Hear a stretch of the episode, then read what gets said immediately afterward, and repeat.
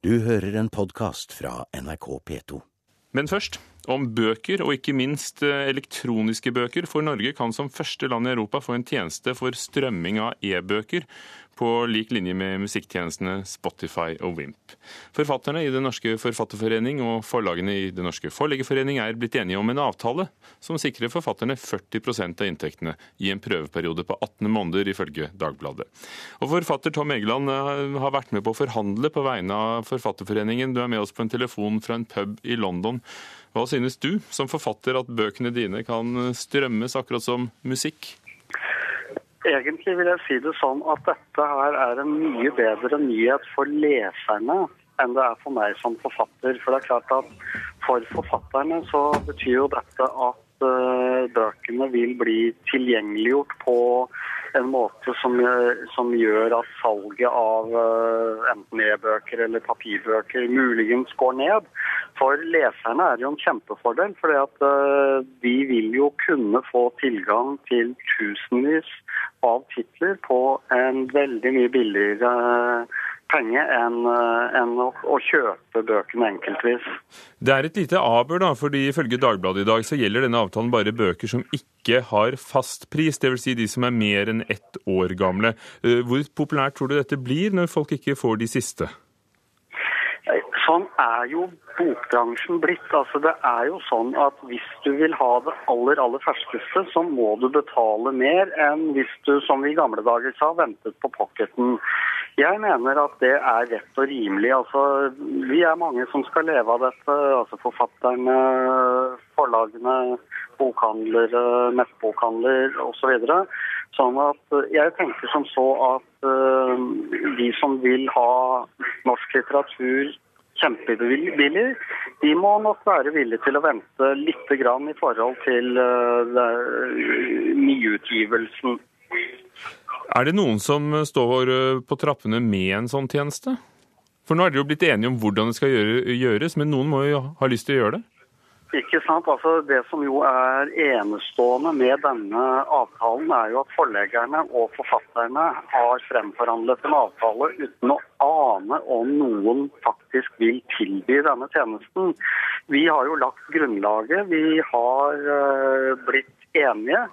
Uh, så er det jo opp til noen i bransjen, enten det er eksterne aktører eller forlagene, om å hoppe på dette her først som sist. Og jeg vil jo mene at uh, det bør noen gjøre ganske så fort. For dette er jo en enestående forretningsidé. Tom Egeland, bare nyt din forfriskning på puben mens vi snakker litt med Eirik Solheim, redaktør for teknologinettstedet NRK Beta. Hvem tror du kan tenke seg å hoppe på en slik forretningsidé? Altså, Det kan jo være eventuelt et teknologiselskap som hopper på den. Det som jeg syns er veldig interessant her, er at uh, hele mediebransjen har vært gjennom omveltninger de siste årene. Musikkindustrien har jo vært gjennom mye, og film- og TV-bransjen står overfor mye. og Ofte så er det de forretningsmessige avtalene som har stoppet. Teknologien er på plass, men de forretningsmessige avtalene har stoppet disse tjenestene som publikum gjerne vil ha. Men her sitter de da med en avtale før teknologien er på plass. Vi har jo derimot vært sene i Norge med å få e-bøker til å ta. Hvilke fordeler skulle det være å strømme bøkene, altså at du, at du får dem fra et sted i det du leser, fremfor å laste den ned og eie den? Det blir jo litt som forskjellen på, på iTunes musikkbutikken, hvor du bare laster ned låtene og spiller de, og, og Spotify og Wimp som ble nevnt her. Eh, hvor du betaler en abonnementspris, og så får du tilgang til et enormt bibliotek. Så fordelen for meg vil jo være at jeg da kan betale et abonnement, og så kan jeg velge når jeg vil, akkurat hvilken bok jeg har lyst til å lese. Forskjellen er at en låt har du hørt på 3 minutter og 40 sekunder. Boken kan det ta lengre tid å lese. Ja, absolutt. Så, så, det vil jo Vi får se hvordan prisutviklingen her blir og sånn. Og, og, når vi hører om dette, så jeg ble litt forvirret å begynne med, for jeg tenkte med en gang lydbøker når, når vi snakker om da strømming eller streaming, som det heter.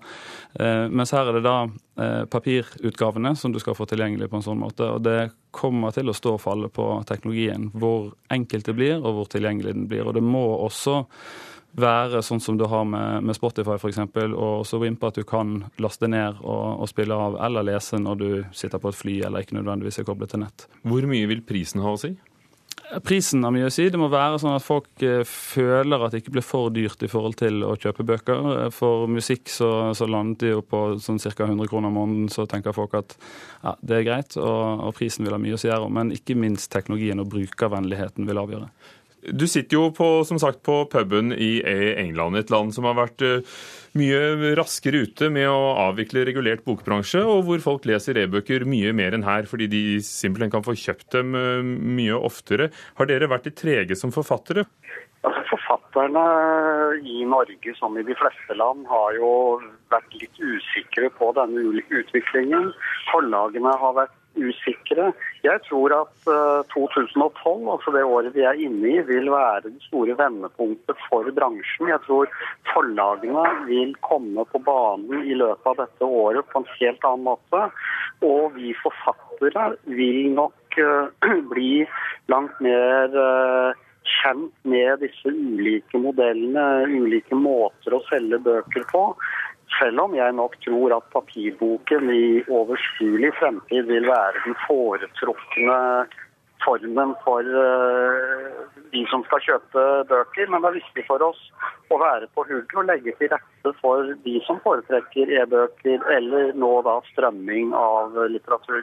Eirik Solheim, eh, hva tror du det vil ha å si det at dette blir eh, som å vente på pocketen, som Egeland sa i gamle dager? Altså det blir de, de bøkene som har vært der ute en stund?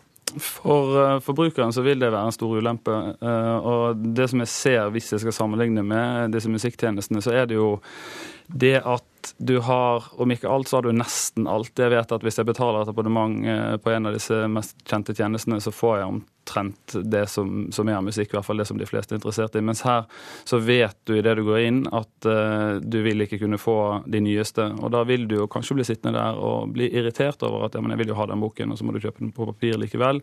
Så det beste for forbrukeren ville jo vært å få tilgang på alt. Og det er kanskje noe å tenke på, Egeland, for det er jo en del forfattere som ikke er med i Forfatterforeningen, og ikke minst er det en del frie, små, uavhengige forlag som, som har kastet seg på den elektroniske bølgen. Og de vil jo kunne være ute, de er ikke bundet av disse avtalene? Nei, altså Jeg finnes ikke bekymret for det. Altså, Konkurranse er jo en flott ting. og Hvis utviklingen tilsier at sånn blir det, vel, så får jo vi andre og de store forlagene uh, rett og slett tilpasse oss den virkeligheten. Så det viktigste for meg er at dette tror jeg må være en kjempemessig greie for leserne, for forbrukerne av litteratur.